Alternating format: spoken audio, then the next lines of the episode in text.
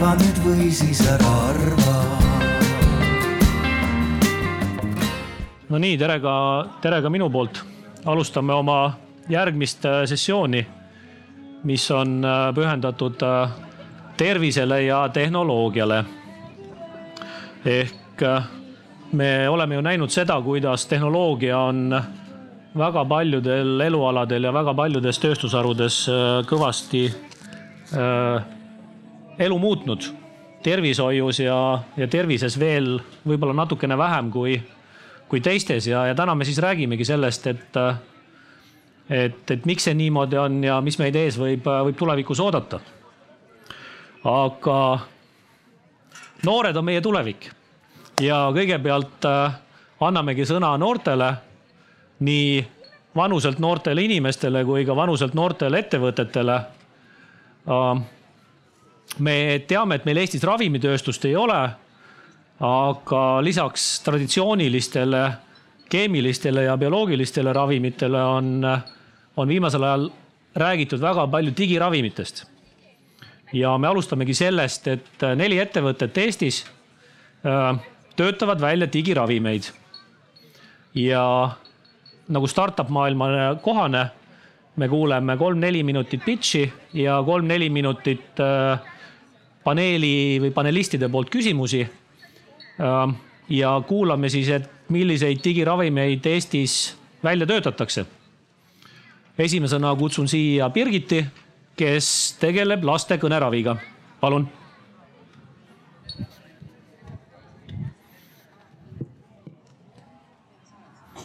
tere, nii ah,, nüüd on mind kuulda tere kõigile, tore teid kõiki siin näha.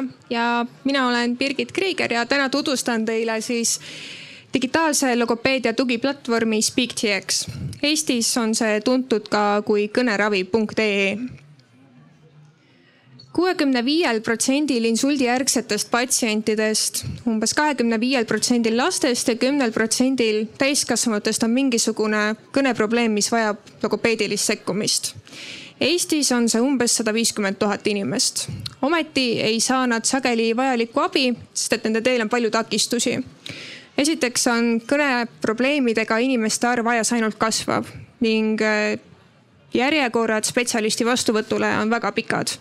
Eestis võib kohati ühes asutuses olla see järjekord lausa sada inimest lisaks puudub ligipääs teenusele ning pakutavate teenuste hulk lihtsalt ei ole piisav meie lahenduseks on siis SpeakTX, kust leiab enam kui kolmsada kogenud logopeedide poolt loodud interaktiivset harjutust. harjutused on mitmekesised ning jaotatud erinevateks mooduliteks. lisaks üldarendavatele harjutustele leiab ka mooduleid konkreetsetele diagnoosidele, näiteks afaasia, düsfaagia või düsartria samuti võimaldab keskkond luua personaliseeritud harjutuskavasid ja sessioone, mis aitavad spetsialistidel teraapiat paremini suunata distantsilt ning jälgida tulemusi. samuti selleks, et äh, aidata kaasa kaugkonsultatsioonidele, on meil olemas videokonsultatsioonide funktsionaalsus ning äh, eraldi turuplats, mis võimaldab siis leida endale sobiva spetsialisti, et läbi meie platvormi see konsultatsioon läbi viia täna on umbes viiskümmend protsenti Eesti lasteaedadest, koolidest ja haiglatest meie platvormil registreerunud ning meil on enam kui kuus tuhat kasutajat. samuti tegeleme aktiivselt veel neljal turul, kus me töötame koostöös kohalike spetsialistidega, et luua sealsetele turgudele, eh, turuvajadustele vastav sisu ning planeerime juba neil uutel turgudel oma toote lansseerida sel sügisel meie peamisteks kasutajateks on eh, erinevate neuroloogiliste häiretega patsiendid, traumajärgsed patsiendid, samuti kõnehäirete, kõnearenguprobleemidega lapsed ning spetsialistid. spetsialistid, kes meie platvormi kasutavad, on tavaliselt logopeedid, eripedagoogid, aga näiteks ka täna juba füsioterapeudid SpeakDX on kulu ja ajatõhus lahendus, mis aitab tagada pideva ja süstemaatilise teraapia. läbi selle, et me suurendame abivajaja iseseisva töö mahtu, saame me lühendada teraapia kogupikkust ja suurendada selle efektiivsust Covid-19 pandeemia näitas seda, et me peame üle vaatama, kuidas me täna tervishoiuteenuseid osutame ja selge on see, et me vajame innovatsiooni, me vajame uuendust.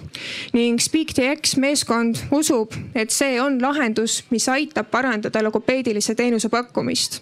ning ka erinevad uuringud on näidanud seda, et pakkudes logopeediat läbi teleteraapia vormi on sama efektiivne kui kontaktteraapia mina olen Birgit BigTXist ja aitäh teile. Nonii, aplaus. head paneeli liikmed, palun küsimused.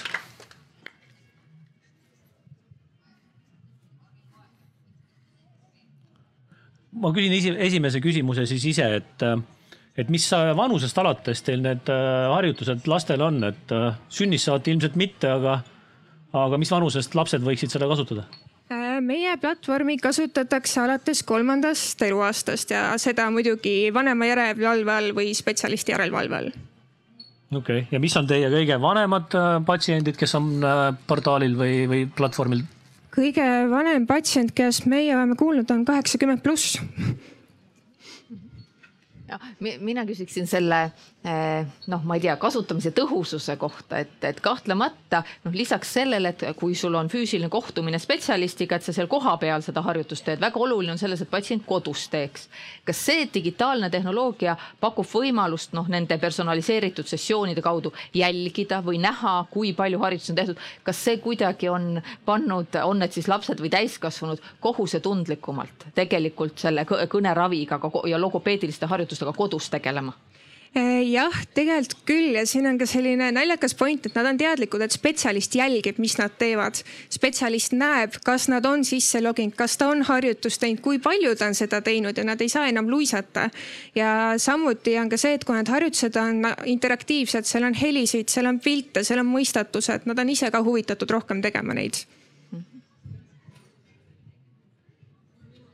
ja, et aitäh, ma ka küsiks, et, et kui, kuidas täna tasumine käib selle eest, et kas see on nagu suunatud äh, logopeedilise abi pakkuja tasub selle äh, programmi eest või, või tasub patsient? Äh, täna on meil mitu erinevat võimalust, kui me räägime siin haridussektorist, siis üldiselt on tasujaks haridusasutus, kes tasub nii laste kui ka spetsialistide litsentside eest. kui me räägime tervishoiusektorist, siis üldiselt äh, täna patsient tasub ise aga olete te püüdnud mõõta ka, et kui kliiniline logopeed töötab, et mis see aja kokkuhoid on või, või rahaline kokkuhoid või? Äh, ajalise kokkuhoiu suhtes me oleme suhelnud kliiniliste logopeedidega, kes on ka meie oma tiimis ja nemad on öelnud, et see aitab äh, teraapia kogupikkust lühendada kuni kolmkümmend protsenti. Hm. mulle meeldib selle lahenduse juures see, et tegemist on ühe niisuguse kindla perioodi lahendusega või, või siis probleemiga, et see, see ei jää eluks ajaks äh, kõneravitunde võtma ilmselt et siis äh, see tõstab selgelt inimese motivatsiooni osaleda ja, ja, ja seda lõpptulemust. ja eks see sõltubki hästi palju ka sellest, milles on probleem. et meil on alati, kui me räägime lastest, kellel on vaja lihtsalt häälikuseadet, siis ilmselgelt neil läheb lühem aeg. samas, kui me räägime insuldijärgsetest patsientidest, kellel on afaasia, siis nemad sageli vajavad tegelikult elu lõpuni seda tuge ähm mille taha te, mille taha teile praegu tundub, et mille taha siis edasine, ma ei tea, kasv jääb, et kas see on pigem äh, rahastus, on see inimeste teadlikkus, on mingisugused tehnoloogilised küsimused veel, et, et, et, et patsientkonda kasvatada, et mis oleks veel vaja? no eks kindlasti, kindlasti on küsimus ka rahas just selleks, et tagada spetsialistide litsentsid. ja teine asi on see, et äh, inimesi tuleb julgustada, et ärge kartke seda lahendust ja et logopeedid, see ei võta teie tööd ära, see aitab teie tööd efektiivsemaks teha, et siin on lihtsalt vaja pidevalt rääkida, pidevalt julgustada ja näidata. Ja hea on muidugi see, et kes tulevad kasutama, nad jäävad kasutama, et siis nad hakkavad aina enam seda väärtust nägema. All right, aitäh, Birgit, aplaus järgmisena kutsun lavale samamoodi digiravimi arendaja Kadri, kes ka tegeleb lastega. Ja tema lahenduse nimi on Triumph Health, palun aitäh, mul on eriliselt hea meel siin olla. me räägime vaimsest tervisest nüüd ja kuigi siin on vaimse tervise ala, siis ükskõik, kus siin läbi kõndida, see jääb kogu aeg kõlama. vaimne tervis, heaolu, üksildustunne, mida me saame ära teha tegelikult, et üksteist toetada, et paremini hakkama saada ja mina täna räägin siis teile ühest võimalusest, et kuigi me oleme tervise tuleviku alal, siis äh, siiski olevik ja reaalselt olemasolev lahendus, teadus- ja tõenduspõhine, mis aitab siis lastel, kes on vanuses seitse kuni kaksteist, iseennast paremini tundma õppida. sest äh, me oleme selles olukorras tegelikult, kus vaimse tervise teadlikkus on üsna palju tõusnud. Äh, me teame, et see on olemas, äh, aga vahepeal meil jääb selle taha, et kuidas, mida siis teha, kuidas hingata, kaks sisse, üks välja või kuidas see siis käib. et need oskused, et iseendaga hakkama saada, need oskused, et kohaneda, et äh, ise olla iseennast juhtiv inimene meil jääb natukene nendest puudu. meil ei ole selliseid teenuseid veel, et ütleme, kui me kujutame ette olukorda, kus psühhiaatrilisele ravile pääs võtab väga pikka aega. et aga mida me siis teeme selle poole aasta jooksul, näiteks kui me ootame seda psühhiaatri vastuvõttu, kas me lihtsalt ootame või me oskame midagi iseenda jaoks ära teha? ja meie tegeleme lastega, alustame lastest just sellepärast, et ma ei taha masendavaid numbreid õhku visata, aga üks asi, mis on väga oluline, on see, et äh, suurem osa vaimse tervise häiretest kujunevad välja enne neljateistkümnendat eluaastat kui need kujunevad lapseeas välja, need jäävad meie elukvaliteeti mõjutama terve elu ja me peame tegelema sellega, igaüks omamoodi, sest et päris täpselt äh, aru ei saa, kuidas, kuidas seda teha võiks ja peaks. nii et äh, väga hea koht, kus tehnoloogia saabki appi tulla, on see, et me võtame selle fookuse Äh, enda tervise eest hoolitsemisele. Äh, meil tekibki see vaimse tervise juhtimise võimekus, me teame, mida teha. me oskame paremini hakkama saada kui olu, ka olukordades, kus, äh, kus muidu võib-olla meil ei tule nii hästi välja ja meie viime selle vaimse tervise toe lasteni läbi mängukeskkonna. see on mobiilirakendus, iga lapse jaoks on see kasutajakogemus täiesti erinev, sellepärast et kõigil on tugevused ja nõrkused erinevad. mitte keegi ei ole ühtemoodi, igaüks on omamoodi ja igaüks, igaühe vaimse tervise teekond on personaalne ja tehnoloogia võimaldab meil seda teha, võimaldab seda, et me saame erinevaid metodoloogiaid äh, rakendada äh, selleks, et toetada inimesi. Ega jätta neid sõltuvaks tehnoloogiast, vaid ikka juhendada neid selles osas, et nad ka päriselus siis neid oskusi äh, rakendaksid. Ja, ja seetõttu näiteks meie lahenduse puhul, kui me teame, et laste puhul liigne ekraaniaeg on suur mure siis äh, meie lahendusel on piirangud, kolmkümmend minutit päevas, hilisõhtusel ajal ei saa seda kasutada, et mitte negatiivselt äh, laste unekvaliteeti mõjutada. aga kõige tähtsam, et igaüks saab selle eakohase, õigeaegse toe kätte just siis, kui ta seda vajab nii et äh, soovitan kõigil, kellel selles vanuserühmas lapsi on täiesti tasuta kättesaadav lahendus Triumph Hero, laadige alla ja, ja proovige järgi, kuidas see võib aidata laste vaimset tervist toetada. väga tänan no nii, aitäh. ma saan aru, et teil on kasutajaid ka väljapool Eestit, jah? Äh, jah, meil tegelikult äh, me peaksime äh, natukene võib-olla rääkima sellest, et kuna see teadlikkus on veel madal ja tehnoloogia rakendamisjulgus on riigiti erinev, siis meil mõnevõrra suurem edulugu ongi olnud väljaspool Eestit ja kõige kurvem selle juures, mis alati mu südameasi on, ongi see, et, et kui me ekspordime kogu aeg ja läheme väljapoole, siis kannatavad tegelikult meie enda Eesti inimesed, sest et eesti ja vene keeles on tugi olemas aga on, on tehtud otsuseid võib-olla, mis äh, ei ole olnud äh, kõige kasulikumad siiani. kus teil kõige kaugem kasutaja on? kõige kaugem kasutaja, ma arvan, et äh, nüüd Guatemalas ilmselt. All right, nii Riina, palun tõesti, kui, kui vaadata, et lapsed ja ekraan, et siis tundub, et ei tea, kas sealt terviseabi saabki. aga mina küsiksin lihtsalt seda, et, et mis tüüpi ma ei tea, tuge või abi laps sealt saab, kas ta õpib konfliktide lahendamist, kas ta saab abi enda tunnetest arusaamiseks või toimetulekuks, et mis on see, mida siis Triumph Hero aitab lapsel teha? Äh, ka need välja toodud asjad, aga tähtis ongi see, et äh, see lahendus on individuaalne. ehk siis mitte kõik lapsed ei koge koolikiusamist, mitte kõik lapsed ei ole mingis konkreetses konflikt, äh, konfliktisituatsioonis. lapsed õpivad läbi selle mängu, läbi erinevate tegevuste, läbi aidates teisi, kus neil on võimalik siis erinevates diskussioonides, interaktsioonides õppida ka iseennast paremini tundma, mida siis ka samamoodi on, on mõõdetud või me mõõdame selle lahenduse sees, sest me ei taha, et lapsed igavesti seda lahendust kasutama jääks, me tahaks, et kõik see õpitu, nad võtaksid selle iseendaga kaasa ehk siis olenevalt sellest, mis laste vajadused on, äh, vahel on neil vaja lihtsalt julgustamist, vahel on neil lihtsalt vaja tähelepanu, vahel on neil vaja sellist äh, psühhoharivat sisu või et iseennast lihtsalt paremini mõista, mis asi see motivatsioon või enesega rahulolu üleüldse on.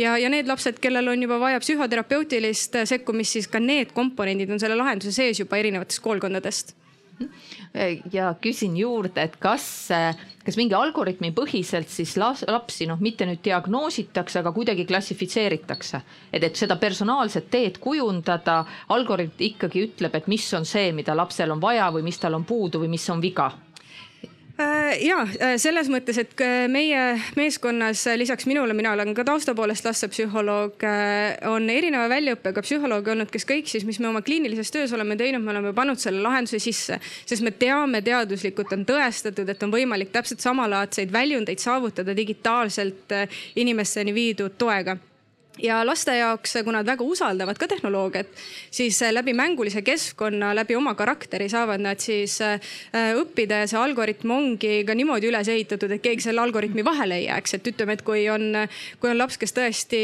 vajab juba välist äh, abi, mida ükski ütleme enese vigastamise puhul ükski mäng ei saa lahendada, et siis ka väljapoole suunatakse sealt mängust nii, meil on aeg veel üheks küsimuseks, Annika. mina küsin ja äh, ma, mina tahaks hoopis teisest äh, teemat küsida, et kuidas te seda mängu näiteks äh, Eestis turundate, et mina olen konkreetne sihtgrupp, minu laps, eks ole, ja ma iga päev võitlen sellega, et Tiktoki ei tohi vaadata, vaatame midagi ägedat, et kuidas ma sinnamaani jõuan?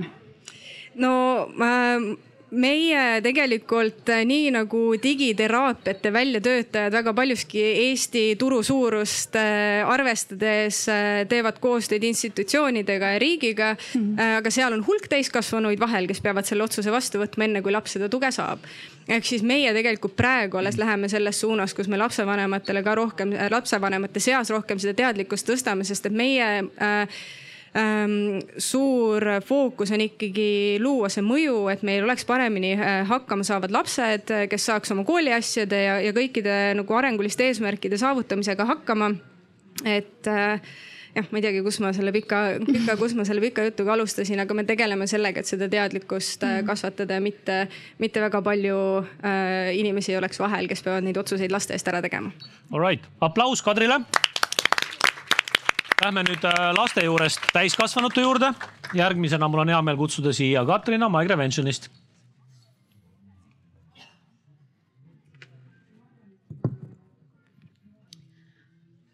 aitäh Erki kutsumast ja aitäh kõigile, kes te siin olete. hästi tore on näha väga paljusid äh, inimesi, kes olid siin eelmisel aastal ja, ja minul äh, Eesti tervishoiuettevõtetest on, on au olla siin laval teist korda.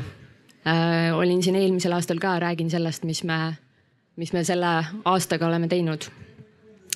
Migrevention, nagu slaid mu selja taga ütleb, on äh, maailma esimene digitaalne peavalukliinik.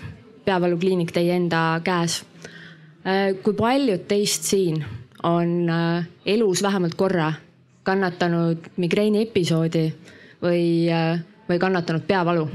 olge head, tõstke käsi Äh, peale pidu peavalu ei loe tõstame need käed korraks veel üles, siis me näeme üksteist, vaatame korraks ringi ka. meid on tõesti palju, mina olen ka. mina olen migreeni all kannatanud juba rohkem kui seitseteist aastat ja, ja neid inimesi Eestis, vaatame nüüd, on rohkem kui kakssada tuhat. nii et see, et meid on siin nii palju, on äh, mitte üldse väga imekspandav. iga päev on rohkem kui nelja tuhandel inimesel Eestis migreenihoog.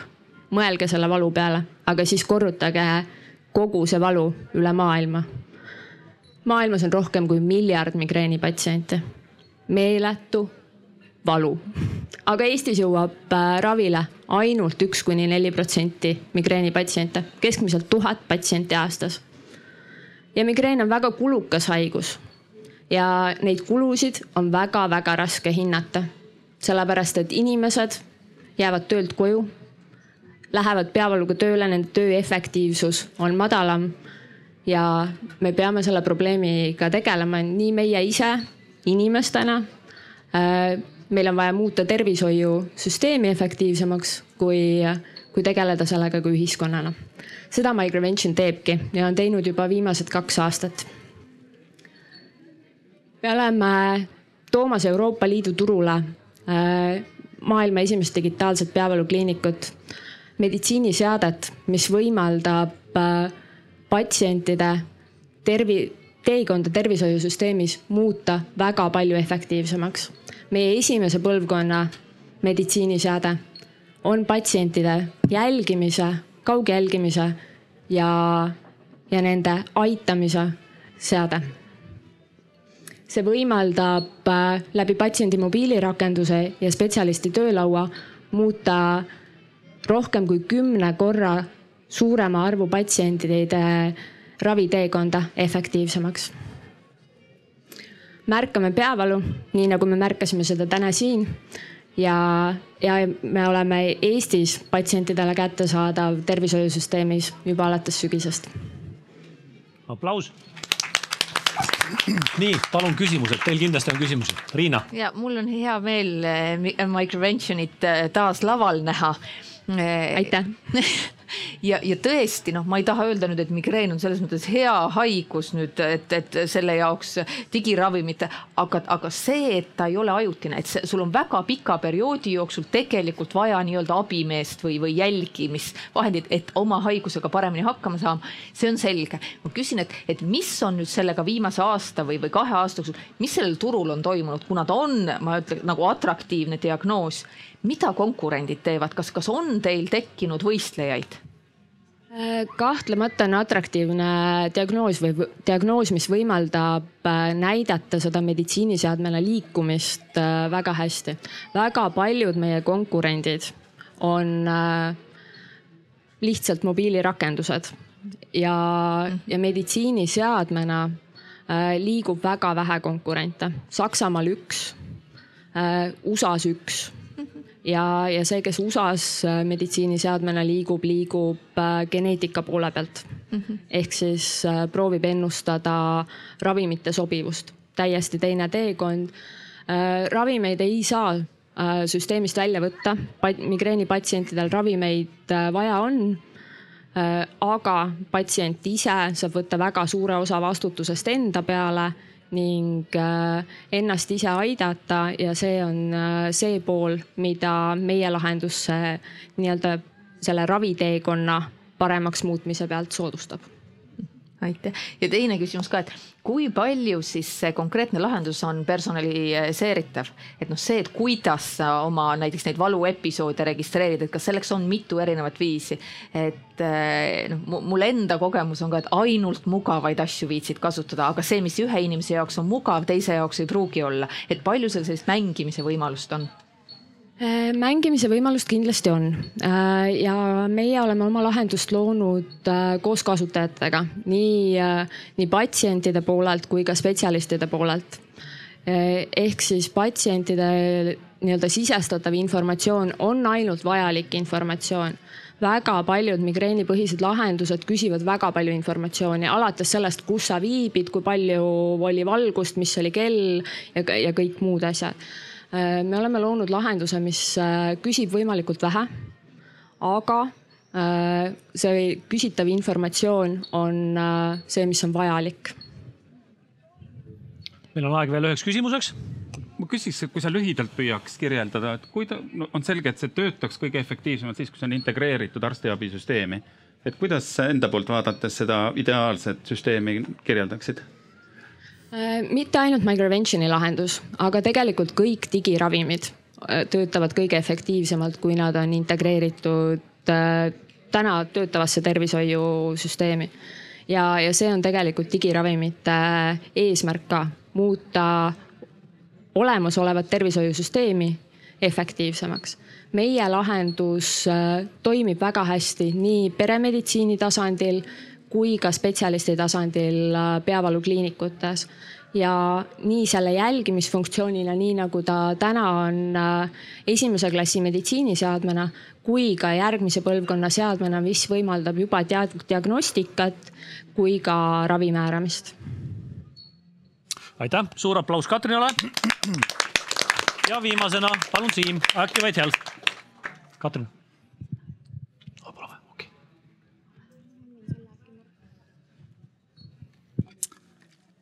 Kujutage ette tulevikku mõne aasta pärast. Te saate oma perearstilt teate, et teie hiljutised laborianalüüsid näitavad kõrgenenud südamehaiguste riski. kuid selle asemel, et kirjutada teile välja tavaravimid, kirjutab teie arst teile retseptina digitaalse elustiili sekkumisprogrammi, millel on kliiniliselt tõendatud mõju ja raviomadused.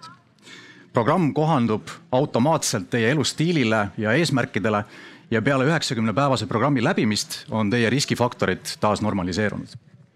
seda tüüpi patsiendi teekonnad saavad juba mõne aasta pärast järjest tavalisemaks just tänu digiravimitele, mis võimaldavad tõenduspõhist tervisejuhtimist viia suure hulga inimesteni.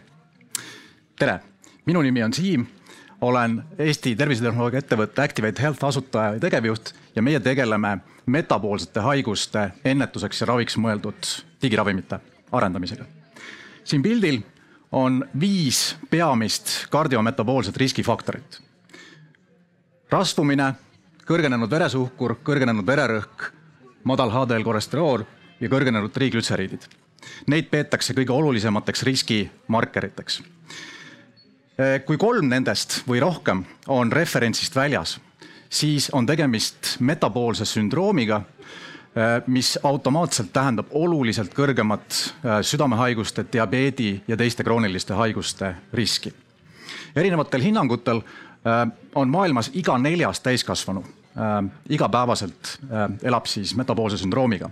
see on kokku üle ühe koma kolme miljardi inimese Eestis ja paljudes teistes Euroopa Liidu riikides jääb see number kahekümne viie kuni kolmekümne protsendi vahele täisealisest elanikkonnast. kui me mõtleme veel Eesti numbrite peale, siis just hiljutised uuringud näitavad, et iga viies Eesti elanik on rasvunud, iga kolmas on ülekaaluline.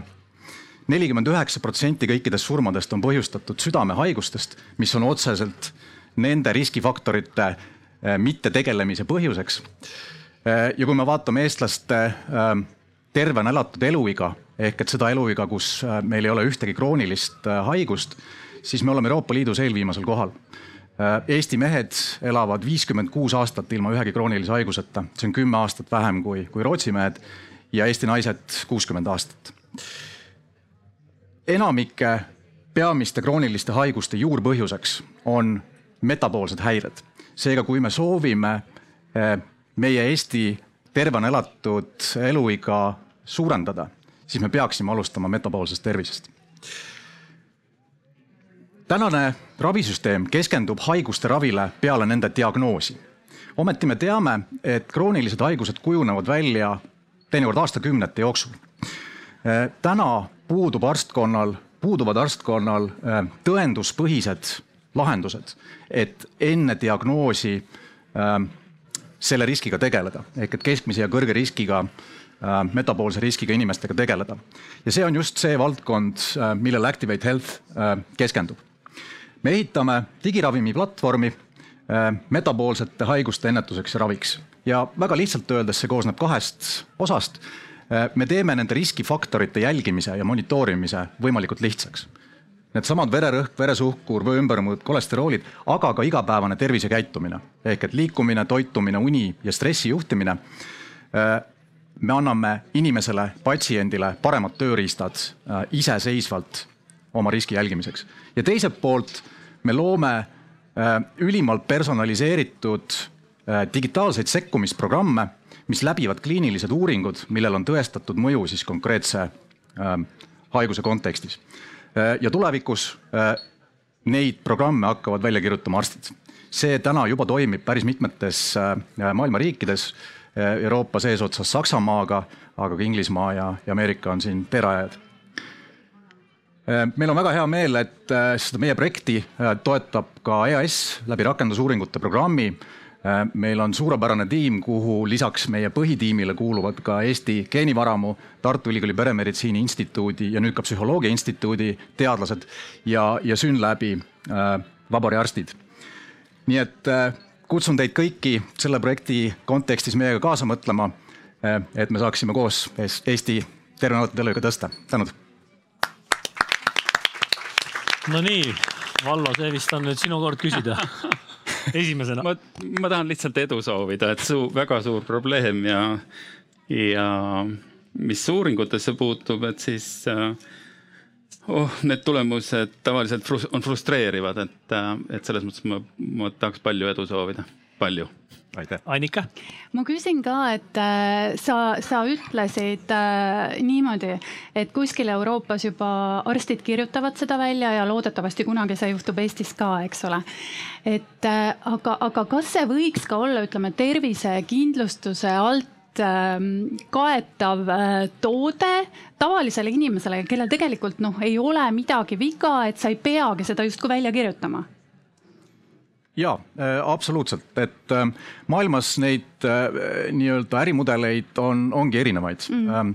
Euroopas hakkas eelmisel aastal kehtima uus määrus Medical Device Regulation, mis tegelikult sätestab tarkvarale nii-öelda uued kvaliteedi ja ohutusnõuded. Ja see tegelikult tekitab siis sellise uue nii-öelda turu äh, seda tüüpi lahenduste jaoks. Ähm, loomulikult on lootus see, et võimalikult palju äh, nii-öelda arstid seda retseptina tulevikus välja kirjutama hakkavad. Saksamaal on täna kolmkümmend üks erineva valdkonna lahendust, äh, mis tõepoolest siis on nii-öelda retseptina saadaval äh,. ja, ja Prantsusmaa, Belgia äh,, Inglismaa tegelikult just praegu neid uusi seadusi nii-öelda rakendavad äh, ehk et äh, see kindlasti, aga erakindlustus, tervisekindlustuse osana absoluutselt. ehk et äh, ka digiravimitel on erinevaid nii-öelda klassifikatsioone äh, ja, ja sellise lihtsama nii-öelda madalama riskitasemega klassifikatsiooni puhul tegelikult võiks väga hästi seda ka läbi erakindlustuse pakkuda ja seeläbi suurema hulgani jõuda. Riina? väga veenev esitus, tänan ja ma nüüd, ma mõtlesin, kas ma nüüd julgen nii, nii ausalt siin eh, küsida, eriti Vallo kõrval istudes.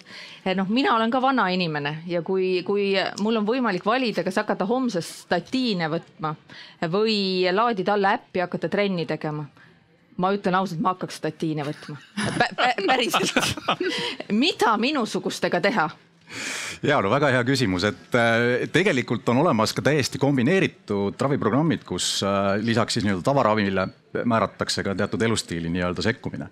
ja võib-olla tõesti mõningatel juhtudel on see efektiivsem ja, ja mõistlikum.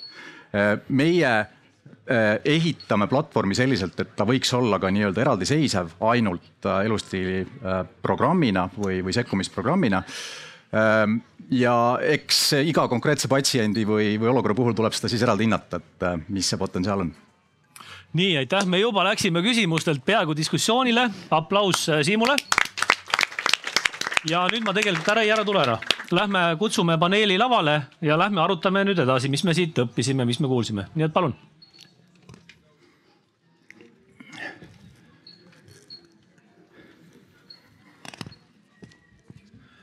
nii, seda Aksidist. üks. nii äh,, meil on siia lavale kutsutud siis äh, erinevad äh,, erinevate taustaga inimesed, kes siis, kellel kõigil võiks olla mingisugune sõna sekka öelda teemal, kuidas rakendada tehnoloogiaid selleks, et äh, tervist juhtida. ning äh, meil on diskussiooniks aega natukene vähem kui tund aega äh,. mõeldud on see interaktiivsena, nii et äh, kohe, kui kellelgi on küsimus, ärge oodake, vaid tõstke käsi püsti. ma viskan teile selle kuubiku ja saate küsida küsimusi. aga, aga ma alustaks võib-olla, võib-olla sellest, et, et Vallo, et nüüd sõltumata sellest, kuidas on riigid oma ravisüsteemid üles ehitanud, siis arenenud riikides seitsekümmend kuni kaheksakümmend protsenti ravikuludest läheb elustiili haiguste raviks. ehk need on haigused mida on võimalik kas vältida või vähemalt väga korralikult nagu edasi lükata. aga millegipärast arenenud riigid pole suutnud seda teha, sõltumata sellest, kuidas nad ravisüsteemi üles ehitanud. et kelle tegemata töö see on või mis on valesti või kuidas me siia jõudnud oleme? seda, seda võib-olla peab igaüks enda käest ise küsima et need ajatud tõed, kuidas, mida ise tegema peab, et need on kõigile inimestele üldiselt, äh, üldiselt teada. ja ma, nii, äh, ma nii mustades värvides seda üldse ei näeks, et, äh, et kogu maailm nüüd ägab selle all. et keskmine eluiga on väga kiiresti kasvanud ja see on, see on suures osas tervislikuma eluviisi tõttu okay.. ja, ja, ja isegi need isegi kõik need klassikalised asjad, et vähene liikumisharjumus, tegelikult kui uuringuid vaadata, et paljudes riikides on näha, et läbi aja see liikumisharjumus paraneb. et noh, võtame keskealised mehed, et on näha, et Taanis kesk, keskmine keskealine mees, mees viimase kümne aasta jooksul on hakanud rohkem äh, füüsilist äh, treeningut harrastama okay.. Okay. et siis see päris lootusetu ei ole. ja sellest oli siin eelmises paneelis vist äh, korraks juttu, et, et ideaal on, ideaal on surra tervena aga et kõigi haigusstatistikate juures me peame aru saama, et inimese elu on lõplik. ja, ja ja sellel hetkel, kui see lõpp saabub, siis, siis on kombeks fikseerida, et midagi oli valesti okay.. nii et see diagnoos ei ole ainus äh,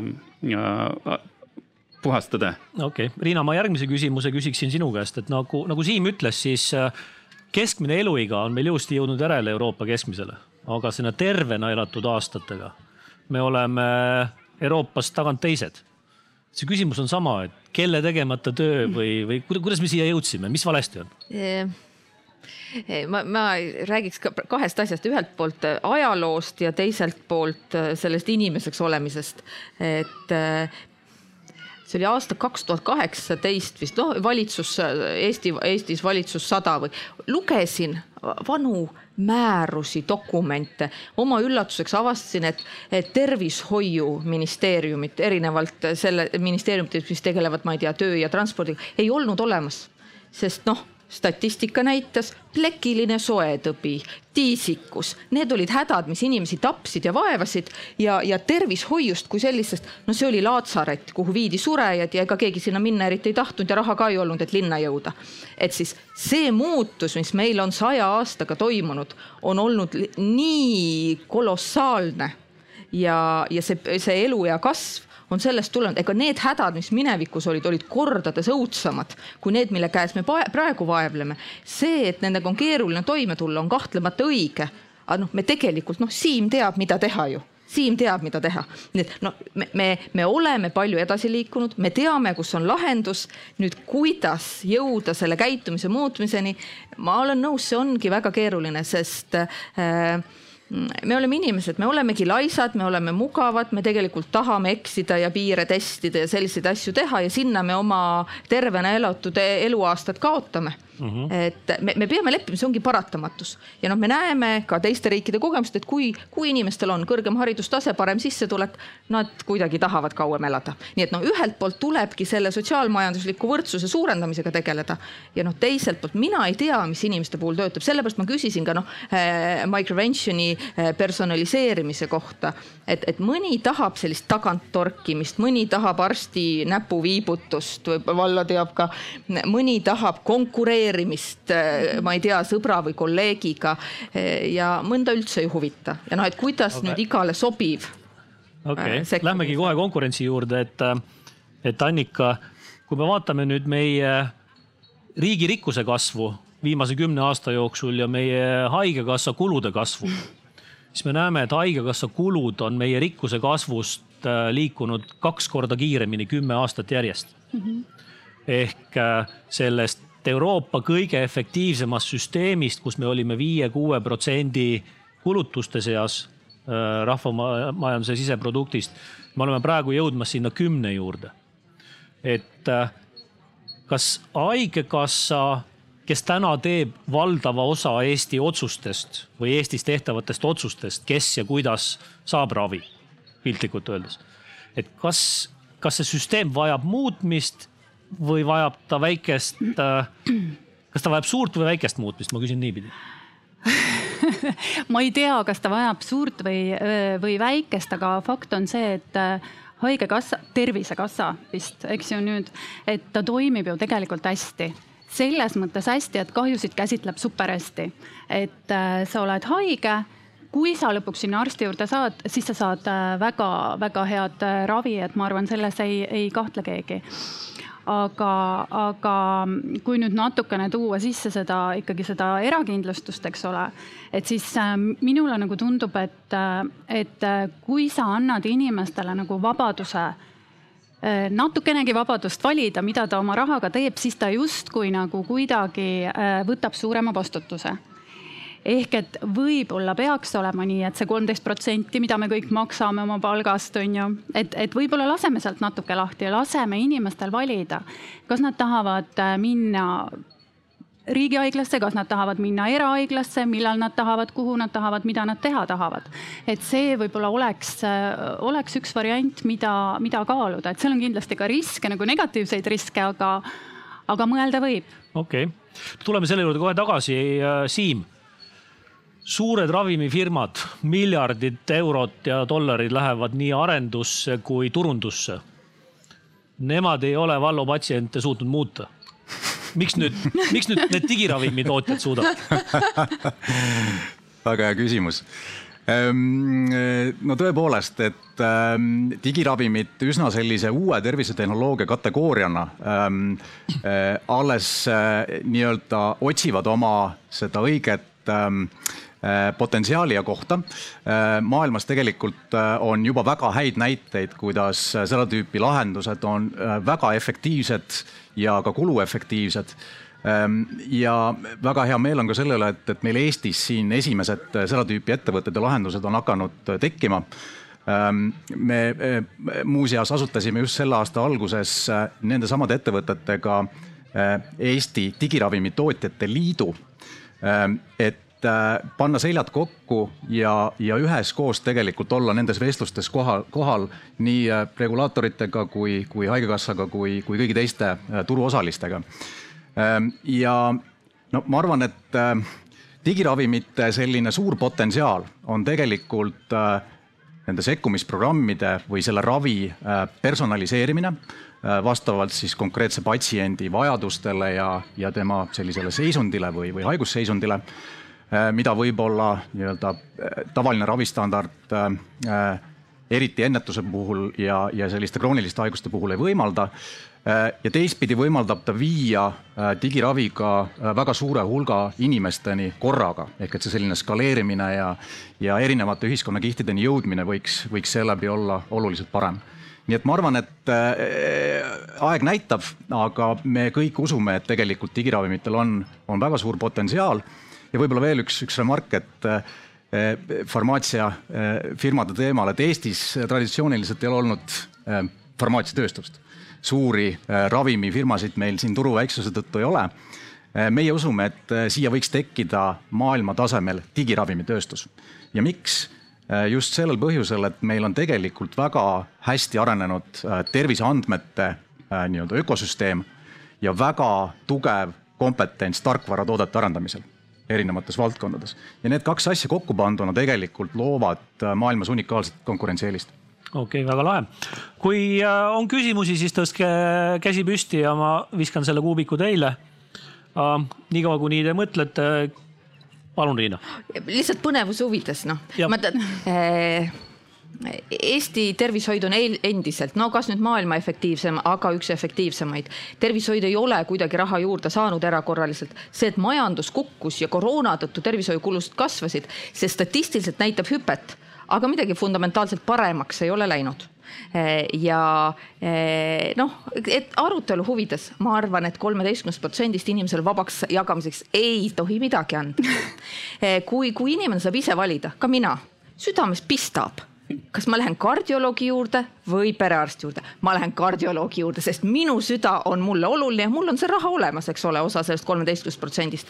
moodustuvad järjekorrad ja siis ütleb see kardioloog perearsti asemel, Riina, no see trenn ei ole nii õudne, no mine kasvõi joogasse ja osale mai jooksul ja noh, nii et, et ja kui, kui minu puhul ma võin mõelda, olgu, no olgu, maksan ise selle teenuse eest, käin, ütleb Margus Viigimaa, ütleb mulle sellesama lause, võib-olla ma lõpuks usun ja lähengi sinna joogasse, et võib-olla mingisugune efekt seal on, aga avalike ressursside efektiivset kasutust me ei saa, sest minusuguseid on kohutavalt palju okei okay., ma nüüd äh, juba vabandan ette, Valvo, ma küsin su käest sihukese provotseeriva küsimuse, et äh, me näeme seda, et tehnoloogia on tegelikult väga paljusid tööstusharusid ju kõvasti muutnud. hotelliäri, taksondusäri. tervishoius pole seda juhtunud. ja nüüd see provokatsioon, ma vabandan ette, on see, et kas tõesti see patsiendi-arsti suhe on siis sõitja ja taksojuhi suhtes nii erinev, et see, et, et, et, et te oletegi selle vastu kaitstud või? Et äh, ma, ma esiteks ütleks seda, et tehnoloogia on äh, meditsiini väga palju muutnud, et meil on, meil on haiglatehnikat nii täis, et, äh, et siin ei ole üldse probleemi igal inimesel mõni haigus leida. et, et piisab haiglasse tulla, kui me põhjalikult uurime ja, ja eriti kui on viletsate arstidega tegemist, et siis nad midagi ikka leiavad. aga, aga jah, et see ütleme siis nii, et meditsiinis tehnoloogia saab olla, tehnoloogial saab põhiliselt olla abistav funktsioon, et see isiklikku suhet ja isiklikku tunnetust, mida patsient teeb, milline ta välja näeb, mida ta mõtleb, et seda ei ole võimalik asendada. doktor Google'isse sina ei usu? doktor Google töötab äh, mõnes olukorras väga hästi, aga ma lihtsalt mõtlen arstiabi äh, osutamiseks, kui ma peaksin kellelegi nõu andma, et ma tunnen ennast väga ebamugavalt seda tehes ilma inimesega kokku puutumata mm. Mm. -hmm. et, äh, et siis, äh, et siis, äh, siis vähemalt seal ravi või siis meie konsult-, kokkulepete alguses peaks olema isiklik, isiklik kontakt, et. kas, kas nii arstide kui patsientide kontekstis nagu põlvkondade vahet on näha või? et erinevast põlvkonnast arstid ja patsiendid nagu käituvad erinevalt või ootavad erinevalt? inimesed ikka muutuvad, et see on normaalne jah, nii arstide kui patsientide puhul. see võiks siis muutuda, kui, kui vanem põlvkond eest ära läheb ja uus põlvkond, kes on juba tehnoloogiaga harjunud, äh, nii-öelda peale tuleb?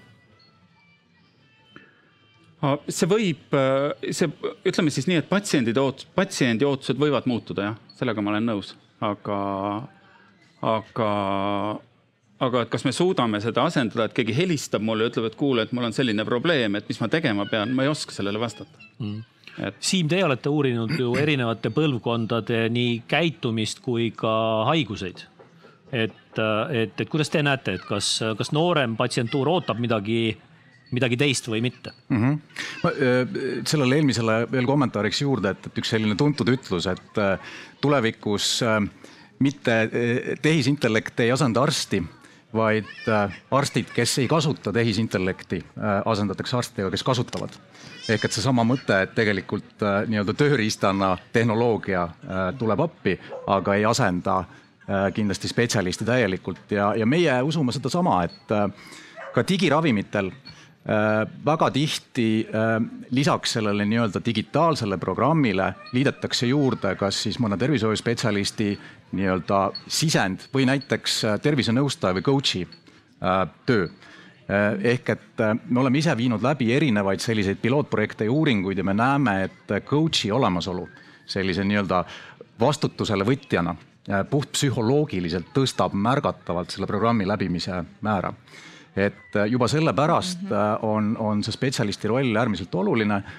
et küsimus on lihtsalt selles, selles tasakaalus ja, ja kui vaadata selliste nii-öelda vanusegruppide kaupa, siis äh, jah, äh, loomulikult noorem, nooremaealised on digilahendustele vastuvõtlikumad, kuna noh, kõik meie ümber tegelikult äh, on üha rohkem digitaalsem ja neid erinevaid lahendusi me kasutame igapäevaselt.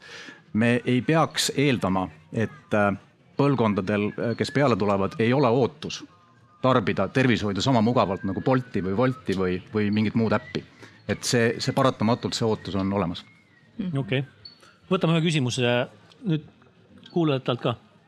Äh, tere, äh, küsin siin EIT Healthi äh, innovatsiooni nurgast selles vaates, et seesama Saksamaa pilootprojekt, millele Siim, sa vihjasid, selle esimese aasta tulemus oli see, et kõige suuremaks takistuseks oli arstide endi valmisolek et äh, kuidas, kuidas te näete, kui te, kui te proovite praegu nagu vaadata kõigepealt nagu Eesti kontekstis, mis on Eesti-siseselt levikus äh, kõige suurem takistus, patsiendid, äh, tehnoloogiapakkujad või arstid või veel midagi muud.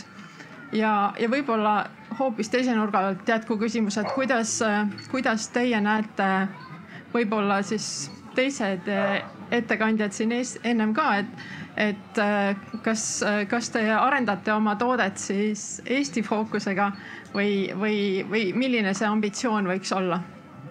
ja ma kordan üle, et see küsimus oli siis Saksamaa kohta see, et, et seal on näha, et arstid on pudelikaelaks. kas te Eestis näete samamoodi või on Eestis mingid muud pudelikaelad, et see oli üks küsimus mm. -hmm.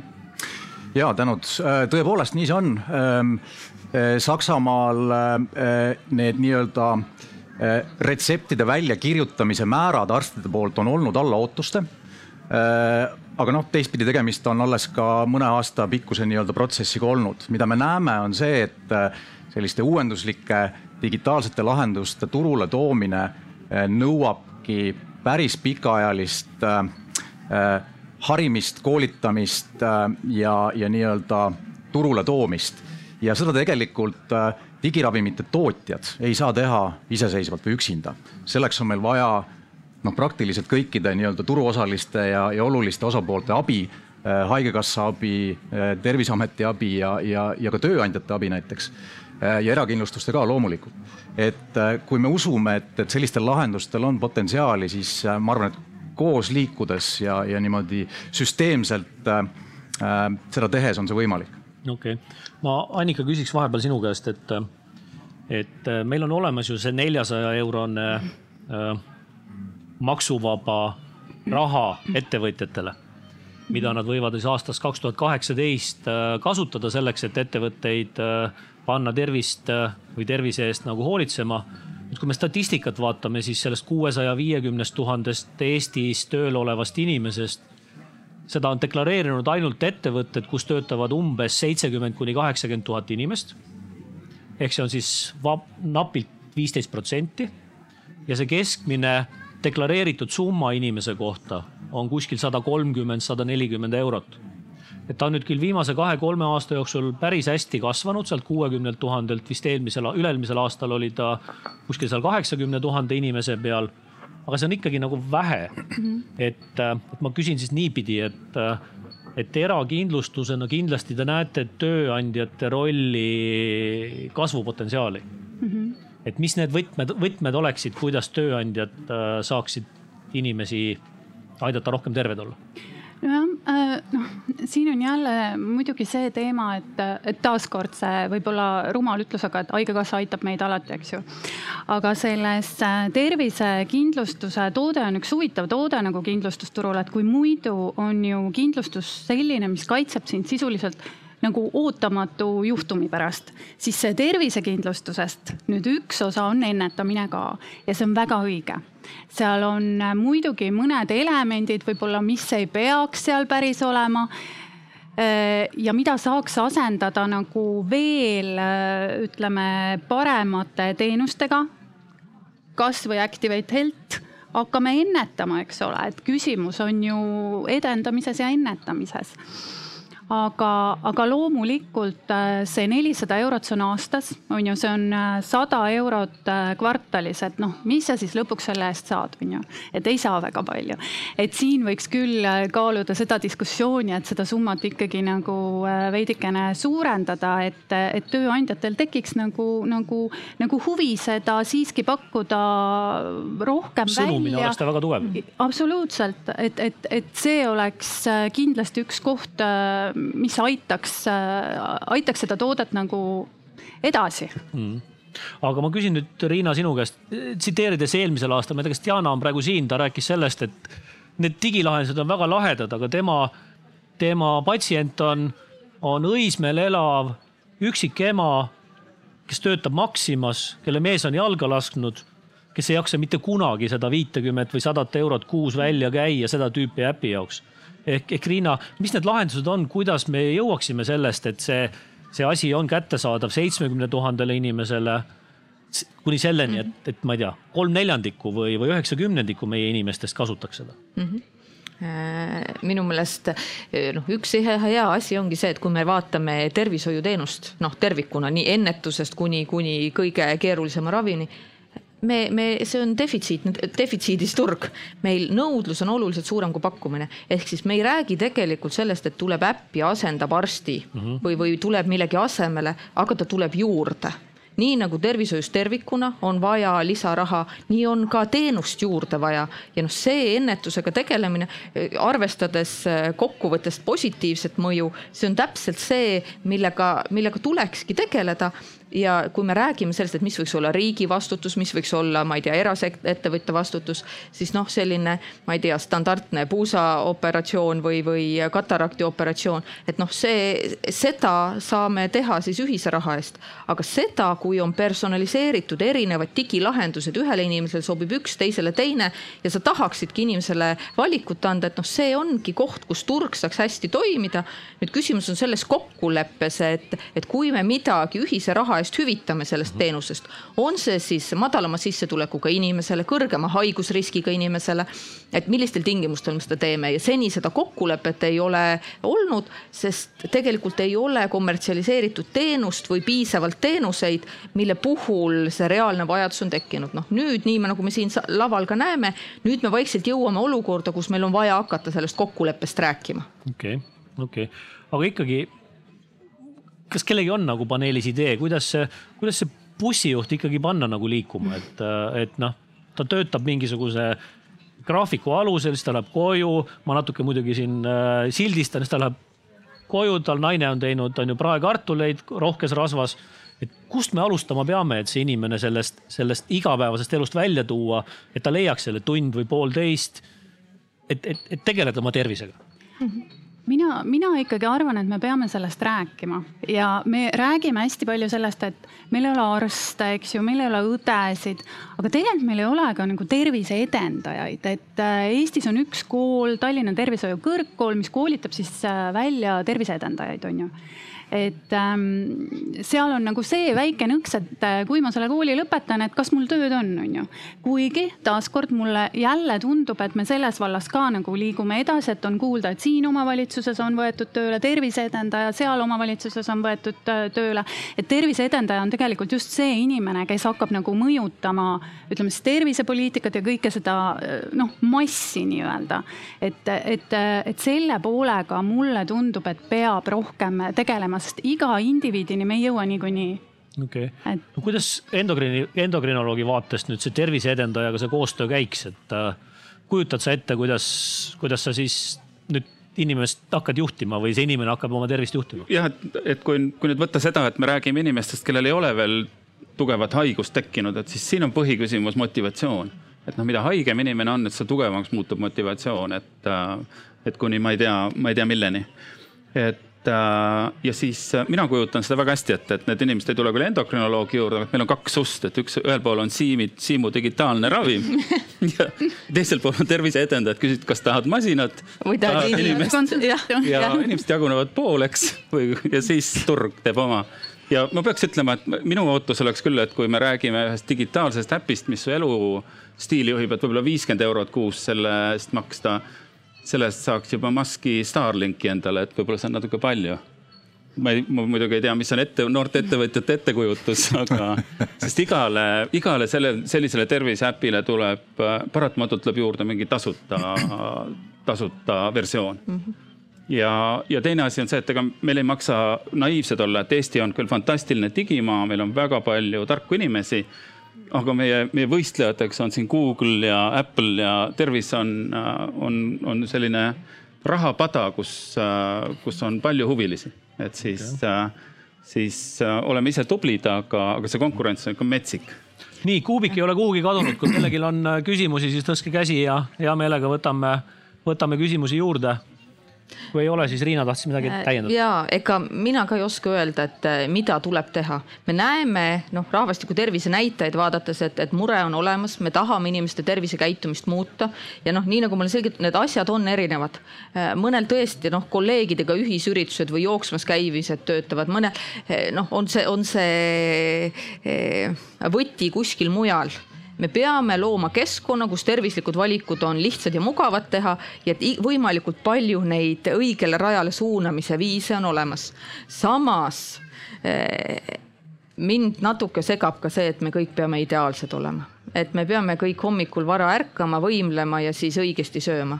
et äh, kui inimene soovib juua veini või süüa praekartulit, ma olen nõus tema tervishoiukulud kinni maksma, kui selle tulemuseks on südamehaigused. aga seda, et inimene teaks, millise riski ta võtab äh, see peaks selge olema, et noh, see, me jõuame haridussüsteemini, et ka seal, et me saaksime aru, et mis on see, et kui sa tahad pikalt ja kaua elada siis tõenäoline on sul seda teha sellisel viisil, käitudes sellisel moel. aga kui inimene otsustab teadlikult teistmoodi teha, siis ma arvan, see, et me lubame erineda, vigu teha, riske võtta, see on ka väga oluline ja ma, ma ei taha kuidagi öelda, et okay. praekartulit keelame ära ja palun, meil on küsimus äh, kuulajaskonnast. minu nimi on Margit Sutrop ja ma jälgin väga hea meelega seda debatti ja tore on, tore on kuulata.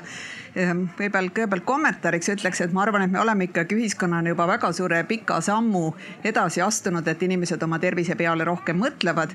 et kuskil aastal kaks tuhat kaheksa, kui me proovisime väärtusprogrammi äh, juurutada äh, Haridus- ja Teadusministeeriumi poolt, siis me tõime need tervishoiu näited, et et selleks, et muuta inimeste väärtusi, peab noh, ühelt poolt nende teadmiste, neile rohkem teadmisi andma, teiselt poolt oskustega tegelema ja kolmandaks peavad nende väärtused või nende motivatsioon muutuma.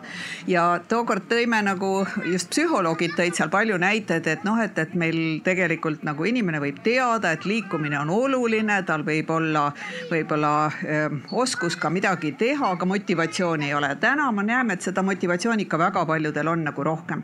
aga ma proovisin nüüd mõelda just seda teie võtmes, et mida nagu rohkem teha annaks, et, et ma ei oleks päris sellega nõus, et me nii fantastiline digiriik oleme, et, et ma tean, et see kõlab väga skeptiliselt, aga, aga tegelikult näiteks võrreldes kasvõi Soome tervishoiuga, kus seesama digi nii-öelda need terviseandmed on ka perearstidele nii palju rohkem, ütleme, kättesaadavad, mille alusel ta saab otse nõustada, et nüüd sa pead oma kolesterooli taset mõõtma, nüüd on sul aeg minna äh,, ma ei tea, rinnavähi sõeluuringule, et need asjad ju jooksevad nagu arsti töölauale kätte ja siis nad jooksevad ka kiiresti patsiendile kätte.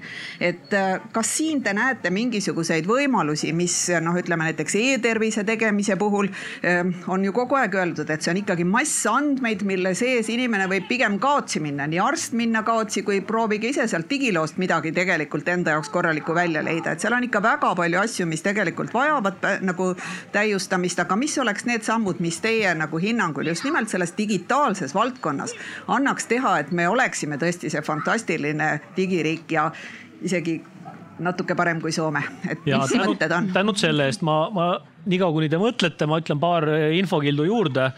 Äh, Soomes väidetavalt rinnavähi screening usse minemise protsent naistel on kuskil kaheksakümne juures, Eestis kolmkümmend viis. Mhm. ehk meil on ikkagi kõvasti minna. ja, ja ma võtan ära siin jah, võib-olla selle selle küsimuse nii-öelda saanud sellest julgustust, ma ütlen, et ega digilugu Eestis ei tehtud või patsiendiportaali ei tehtud ju selleks, et patsiendil oleks võimalik oma andmeid vaadata.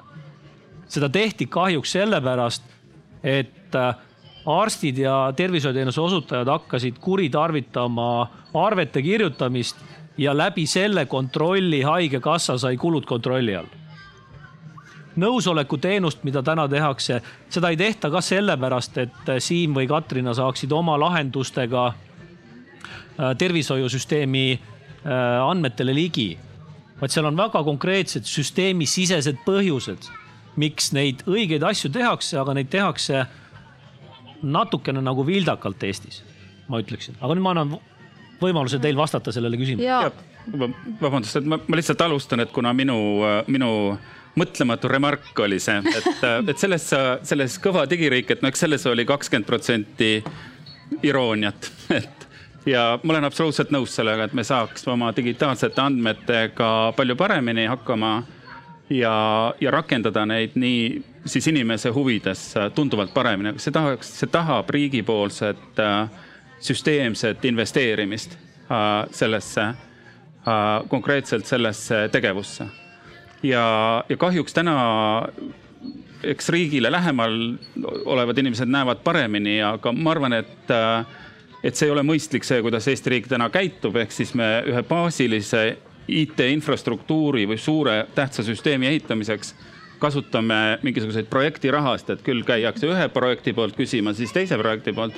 et selliselt, selliselt ei saagi midagi muud valmida kui lapitekk et mitte jälle halvustades lapitekki, et mis on ilus, aga, aga kui me tahaks sellist äh, sõju, sujuvat äh, kangast, et siis peaks süsteemselt seda tegema mm. -hmm ja täiesti nõus ja noh, niimoodi miinimumressursiga hädapärast lahendust äh, tehes, et, et noh, ongi, jõuame sellise tulemuse, seda, et oleks kasutaja mugavus parem, et automaatsed meeldetuletused, mis suunaksid noh, nii, nii arsti kui patsienti, et seda kõike on vaja no,. samamoodi geeniandmetega sidumine, et see potentsiaal, see eh, täiesti nõus, et juba olemasoleva piires meil on palju äh, kohti, kus, kus oleks vaja mingit parandust teha.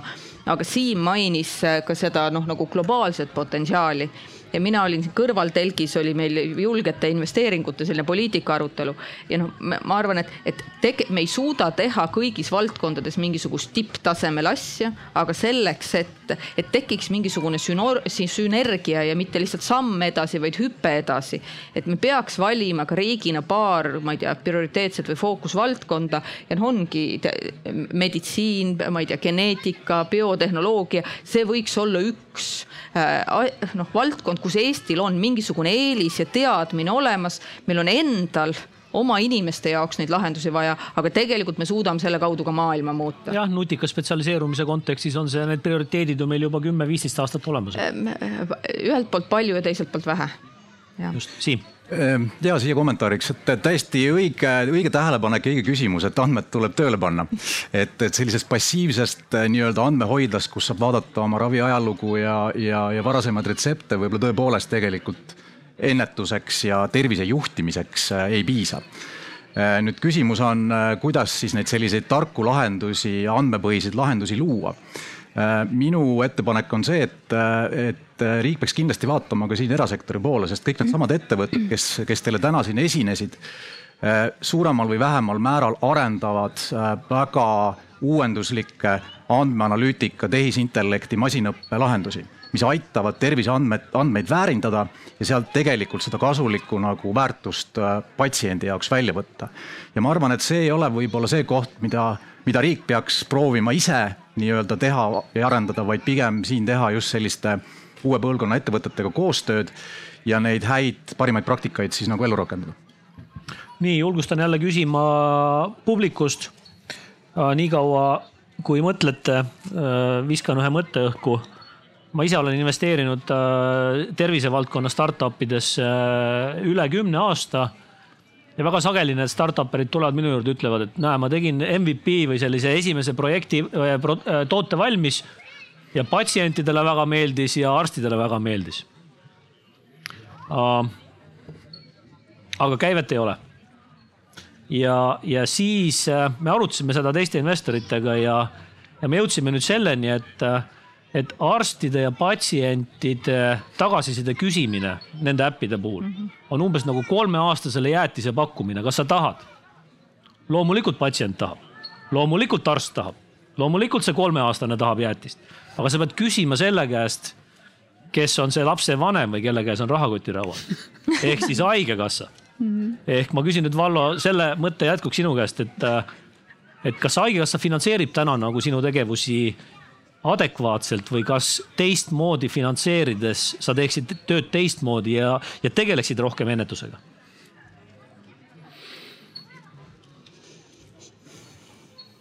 See on nüüd ja, see on nüüd võimas küsimus, et, äh, et ma, ma võtaksin natuke kõrgema taseme, et, äh, et ülikooli haiglas töötades, et mulle meeldiks süsteem, kus, äh, kus meil oleks riigi ja riigi poolt eraldatud mingi innovatsiooniraha et kus me saaksime katsetada ja, ja proovida uusi mudeleid, et ükskõik siis väga laialt arvestades sellest, kuidas meie töötame, kuidas tehnika töötab, kuidas partnerid töötavad. et see oleks mõistlik. Aga... ma lihtsalt ütlen vahele, et Haigekassas on innovatsioonifondi nimeline projekt.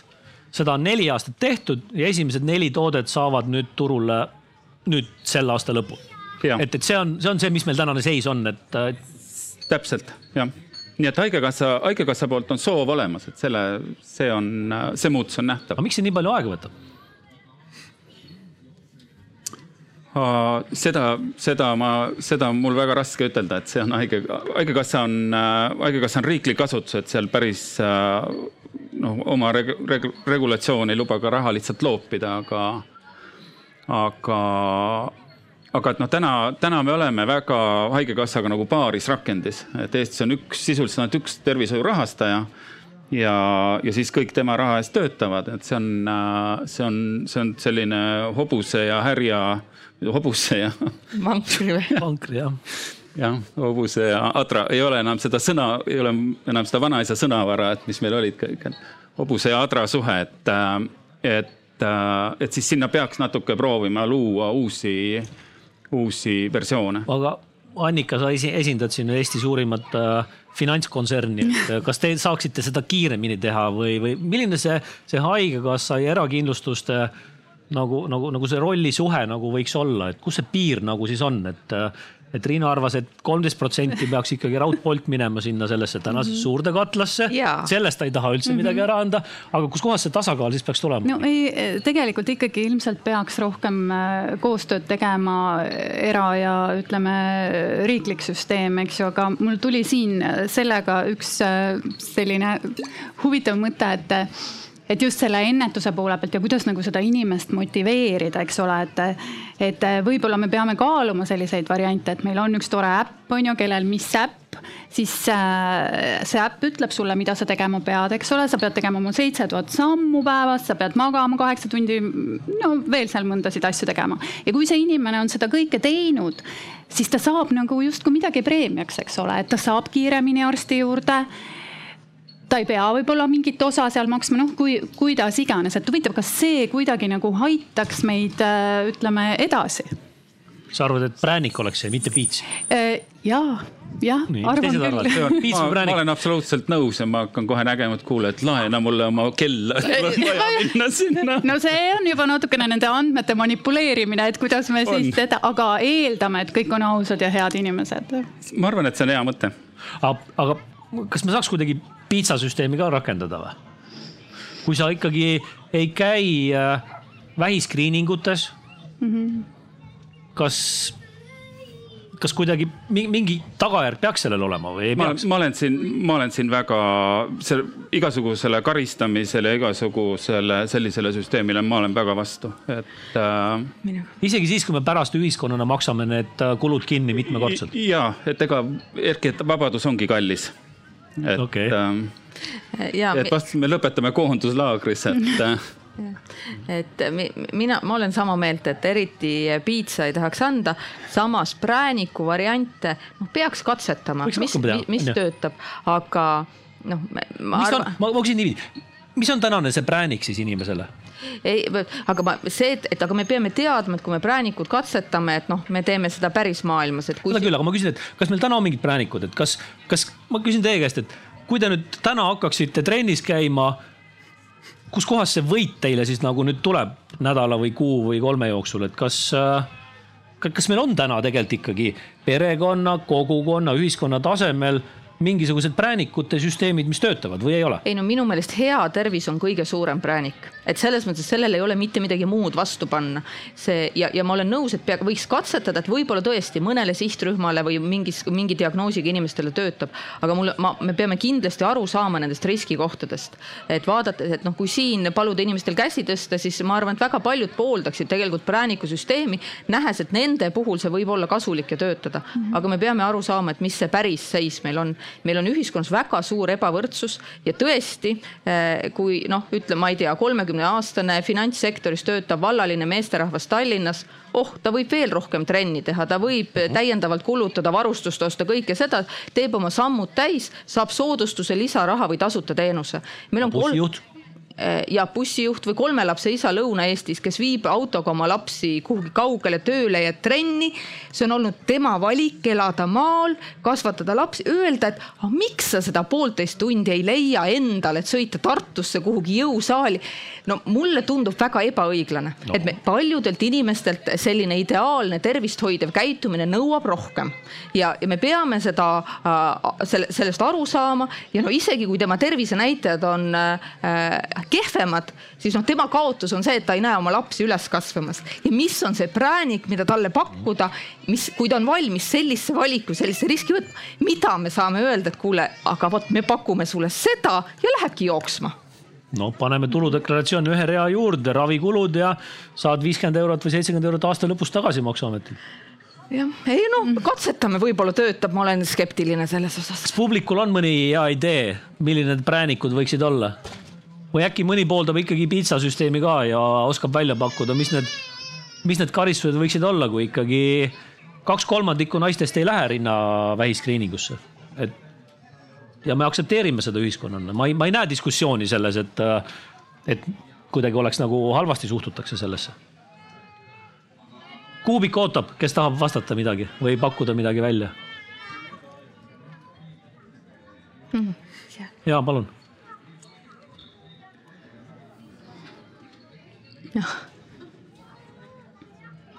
Mul on küsimus natukene teisest vallast, et et ei tahaks jällegi kedagi siin sildistada ega, ega üldistada, aga, aga reeglina kipub olema niimoodi, et, et, et keskmise patsiendi arvates äh, perearsti visiit ja eraarsti visiit on tasuta, mis tähendab seda, et, et nad tasuvad ainult sellise võib-olla visiiditasu, aga need kulud, mis tegelikult selle teenuse taga on, jäävad kuhugi noh, üldse ei jõua teadvusesse ja see kahjuks äh, toidab, toidab sellist äh, arusaama meditsiinikuludest ja, ja võib-olla siis sellest, et, et võib-olla äh, Siimu rakenduse eest ei tahaks nagu seda viitkümmet eurot maksta. aga kas oleks reaalne selline süsteem, kus kohas peale haiglast väljakirjutamist väljastakse patsiendile näiteks mingisugune arve, kus kohas loomulikult lõppsumma on nagu null, aga, aga millega siis patsient või siis see paranenud inimene saaks aru, et, et millised kulutused maksumaksja, riik, ühiskond on teinud tema äh, ravimiseks rohkem läbipaistvust. ja hea mõte ja, ja tegelikult patsiendiportaalis on võimalik nii enda kui noh, alaealiste laste kulusid näha, ma olen huvi pärast vaadanud. et, et, et on see võimalus täiesti olemas jah, aga, aga seda, et tõesti, kui katse, katsetada ja minu arust ka Rootsis on seda tehtud, et ta inimestele ikka noh, annab sõnumi, et kui sa saad selle tšeki kaasa, et no sinu arve viis tuhat seitsesada kolmkümmend kolm, sellest riik tasus üheksakümmend üheksa koma üheksa. jah, ja siis voodipäevatasu et, et, et ta, ta mingit efekti kindlasti annaks, aga seda, et noh, ongi ka, ka hariduses eh, see, mida me saame noh, nii-öelda tasuta, aga mis tegelikult, mille eest tuleb väga palju maksta, see, see teiste teenuste puhul on sama mure. et küsimus on, et kas, kas tšekisüsteem või me suudame kuidagi teistmoodi seda ma, ühiskonnas seda teadmist levitada. ma nüüd küsin ühe küsimuse teilt kõigilt äh,. proovige vastata siis oma selle rolli rolli kaudu, et kas meil on kuskil mõni eeskuju, mõni riik, mõni süsteem, mõni firma, mõni, mõni, mõni, mõni, mõni kogukond, kellest me võiksime eeskuju võtta oma, oma terviseedenduses? kes iganes on valmis, võiks, võiks vastata no ma ei tea, ma ütleksin lähedal kohe Põhjamaad, et vaadata keskmist eluiga, tegelikult noh, sellist solidaarset rahastamise osakaalu ja kõike seda, et noh.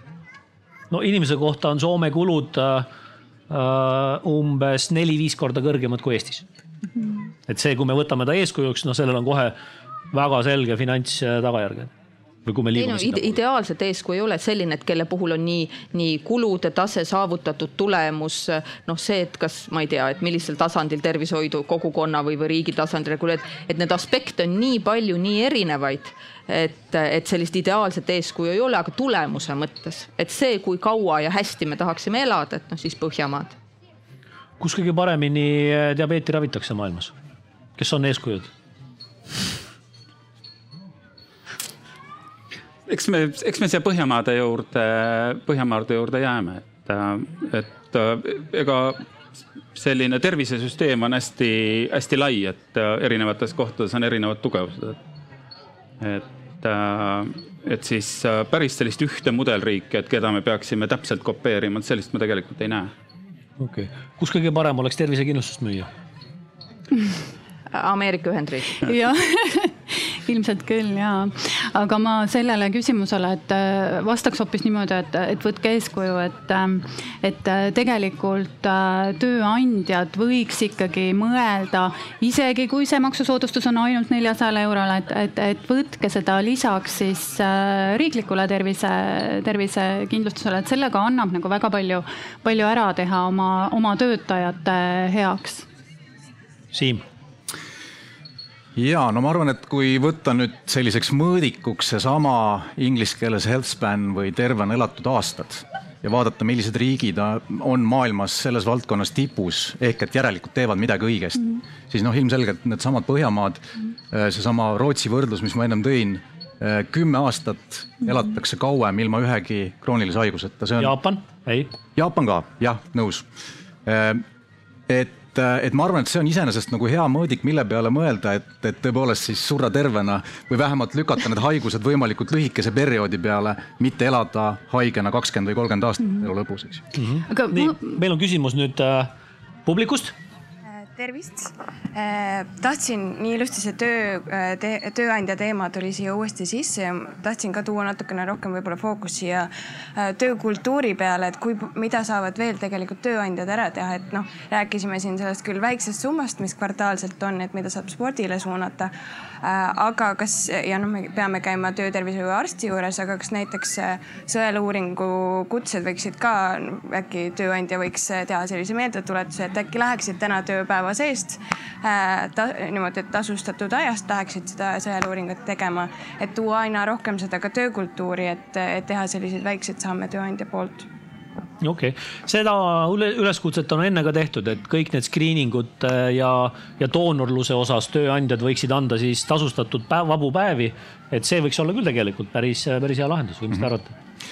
no nõus, et ja. Äh, ma arvan, et, et see nii-öelda tööandjate potentsiaal äh, nende muutuste ellukutsumisel ongi tegelikult suuresti kasutamata täna veel mm. -hmm. ja piltlikult öeldes võiks olla ju igal inimesel Eestis tervise juhtimise plaan kuhu kuuluvad regulaarsed vereanalüüsid, erinevad screening ud, erinevad ennetustegevused. seda präänikusüsteemi aitab üleval hoida tööandja ja võib-olla osaliselt ka riik ja tegelikult aitaks võib-olla siis hoida fookust nendel ennetustegevustel nagu ühiskonnas läbivalt, eks mm. -hmm ja absoluutselt nõus, aga ma veel lisan siia, et me lähme nii nagu tumedatesse toonidesse, et, et tegelikult on ju see viiskümmend viis aastat oli see tervelt elatud eluaastate, seda nagu muuta, see võtab aega. see võtab nagu hästi palju aega ja me tegelikult ikkagi järjest rohkem teeme neid ennetavaid, alati võib rohkem, see on, see on nagu selge, aga aga terviseedendus justkui töötab ikkagi nagu samme tehakse, see lihtsalt võtab väga kaua aega, kuni see number hakkab siis nagu minema paremaks mm. -hmm. nii, kas on meil publiku seast veel küsimusi? me hakkame vaikselt nüüd otsi kokku tõmbama. üks teema, mida me pole päris, päriselt veel rääkinud, aga mis on korra läbi käinud, on see, et, et digiravimite tootmine kui tööstusharu. et äh, Siim mis sunniks sul oma ettevõtet Eestisse jätma või jät-, jät-, jah, Eesti, ettevõtet Eestisse jätma, kui su turud on selgelt kuskil mujal. ehk kuidas saaks riik need kõrgesti tasustatud töökohad Eestisse jätta, kui ühel hetkel te teenindate sadu tuhandeid ja miljoneid inimesi ja no hea küsimus, et, et eks ta nii natuke kipub olema, et, et Eesti on, on väga hea riik, kus oma toodet arendada, aga turuna, eriti selliste tehnoloogiapõhiste lahenduste sihtturuna jääb ta tihtipeale väikseks. Noh, meie jaoks ilmselgelt on, on väga suur motivatsioon see lahendus, mida me arendame, kõigepealt siin käivitada ja sellega tegelikult aidata ka nagu Eesti tervishoiusüsteemi edasi arendada. Aga loomulikult me vaatame kohe algusest peale ka, ka välisturge ja vaatame eelkõige selle järgi äh, kus on meie valdkonnas kõige suurem valu ehk et millistes riikides metaboolsed haigused ja, ja, ja, ja sellega seotud probleemid on kõige suuremad, aga teistpidi, kus on ka vastav seadusandlus ja ütleme, digiravimite äh, turule toomiseks olemasolevad rahastusmehhanismid äh, piisavalt arenenud. Äh, ja, ja noh, maailma riikidest äh, Euroopas äh, Saksamaa, Prantsusmaa, ka Põhjamaad liiguvad õiges suunas, noh Inglismaa, Suurbritannia kindlasti ja, ja loomulikult USA. et ma arvan, et kõikide täna nähtud digiravimitootjate jaoks äh, USA turg on, on tegelikult see, see lõppeesmärk. okei okay., nüüd, nüüd üks teema, mida me pole väga palju rääkinud, on see selline see perekonna roll või kui me räägime erinevatest tasemetest, noh, üksik indiviid, nagu me rääkisime, kolmekümne aastane üksik elav mees saab endale lubada hästi palju. perekond, kogukond, tööandjad, omavalitsused, riik. et kas siin nagu perekonna tasemel saab ka midagi, midagi teha, mis, mis, mis soodustaks seda, seda tervise juhtimist mm.? Ma ei tea, kogukonna, kogukonna tasemel küll, et me oleme rohkem eh, sellise riikliku tasandiga tegelenud, aga nii omavalitsus kui kogukond ja noh, tõesti tervise edendajad, kui sisse tulevad, et siis me räägimegi midagi, mida on, mis on kodu lähedal olemas mm. -hmm. aga ma tegelikult tahaks siia Siimu jutule veel äh, lisada, et noh, Eesti noh, tõesti praktiliselt noh, üheski valdkonnas ei ole atraktiivne turg eh, ja minu meelest see, et me ütlemegi, et me võimaldame katsetada et meil on õigusruum selline, et, et tulge, tehke piloote, on see siis eh, te terviseteenused ja andmed või muud valdkonnad, siis noh, vaadake, kas siin hakkab tööl. meil on nii vähe osapooli, keda on vaja ära veenda, kellega on vaja kokku leppida, et kui me, kui me ennast eh, noh, sellise, ma ei tea, liivakastina või, või pilootimiskohana välja pakume, et sellel võiks olla ka mingisugust potentsiaali. sa ühesõnaga ütled, et no meil on see üsna kehva sellise geenivaramu taust siin all või näide. noh, sealt ei ole tegelikult tulnud neid, et see on siis nagu, nagu geenivaramu spetsiifiline probleem või geneetilise info spetsiifiline probleem, et sa usud, et terviseandmed, need, mida me ise kogume ei, ei, ja raviandmed on nagu, nagu suurema potentsiaaliga? ei, aga ikka kännu tagant lahti saada ongi keeruline, et, et see, kui sa esimesena tahad midagi teha, asi ei ole üldse geeniandmetes või selles, et neil oleks mingisugune kuskil geenivaramus mingi mure aga seda, et, et kui meil ei ole seda kogemust, oskust, õigusruumi, sa peadki asju esimest korda tegema, selle ukse lahti murdma. et, et ma arvan, et noh, see on see selgitus, et fundamentaalselt ei ole mitte midagi valesti geeniandmete puhul ka selle katsetamisvõimaluse loomisel. okei okay,, okei okay., veel kommentaar?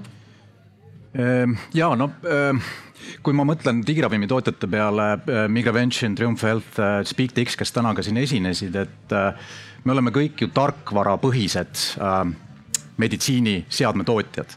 ja, ja meie jaoks on tegelikult ülioluline äh, nii-öelda testida ja arendada oma tarkvaratooteid lõppkasutajate või patsientide peal. me kasutame ise sellist mõistet nagu eluslabor äh, mis tähendab tegelikult seda, et me viime oma veel prototüübi tasemel tooted võimalikult varakult esimeste kasutajateni, äh, et saada sealt maksimaalselt kiiresti tagasisidet, ehk et arendame sisuliselt koos koos patsientide ja, ja kasutajatega. ja, ja üks selline väga konkreetne näide, äh, me oleme, teeme väga head koostööd Tallinnas Ülemiste City targa ärilinnakuga, kus me oleme mitmeid projekte teinud, kaasates suuri tööandjaid ja nende töötajaid meie toodete testimisse. see on üks väga hea konkreetne näide, kuidas näiteks tööandjatega koostööd teha. okei okay., nii, meil on mõned küsi-, mõned minutid veel aega. publikust on veel mõned küsimused äkki teil? julgelt, julgelt kui ei ole, siis äh, Katrina siin enne palus teil äh, käsi tõsta, et ma, ma paluks tõsta käed inimestel, kes on vähemalt korra, vähemalt ühe seadmega üri, üritanud oma terviseandmeid äh, süsteemselt jälgida. Vau, ma arvan, et peaaegu kõik on seda proovinud. potentsiaali on või? lootust on. lootust on. nii ja kuna aeg hakkab otsa saama, siis jälle üks küsimus teile kõigile.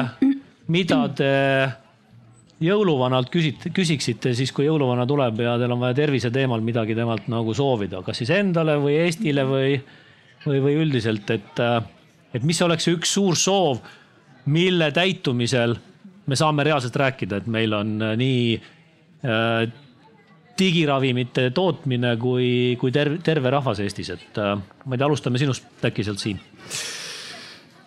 jaa, ähm, ma arvan, et äh, võib-olla kõige olulisem on, on mingis mõttes äh, selline mõtteviisi nihe.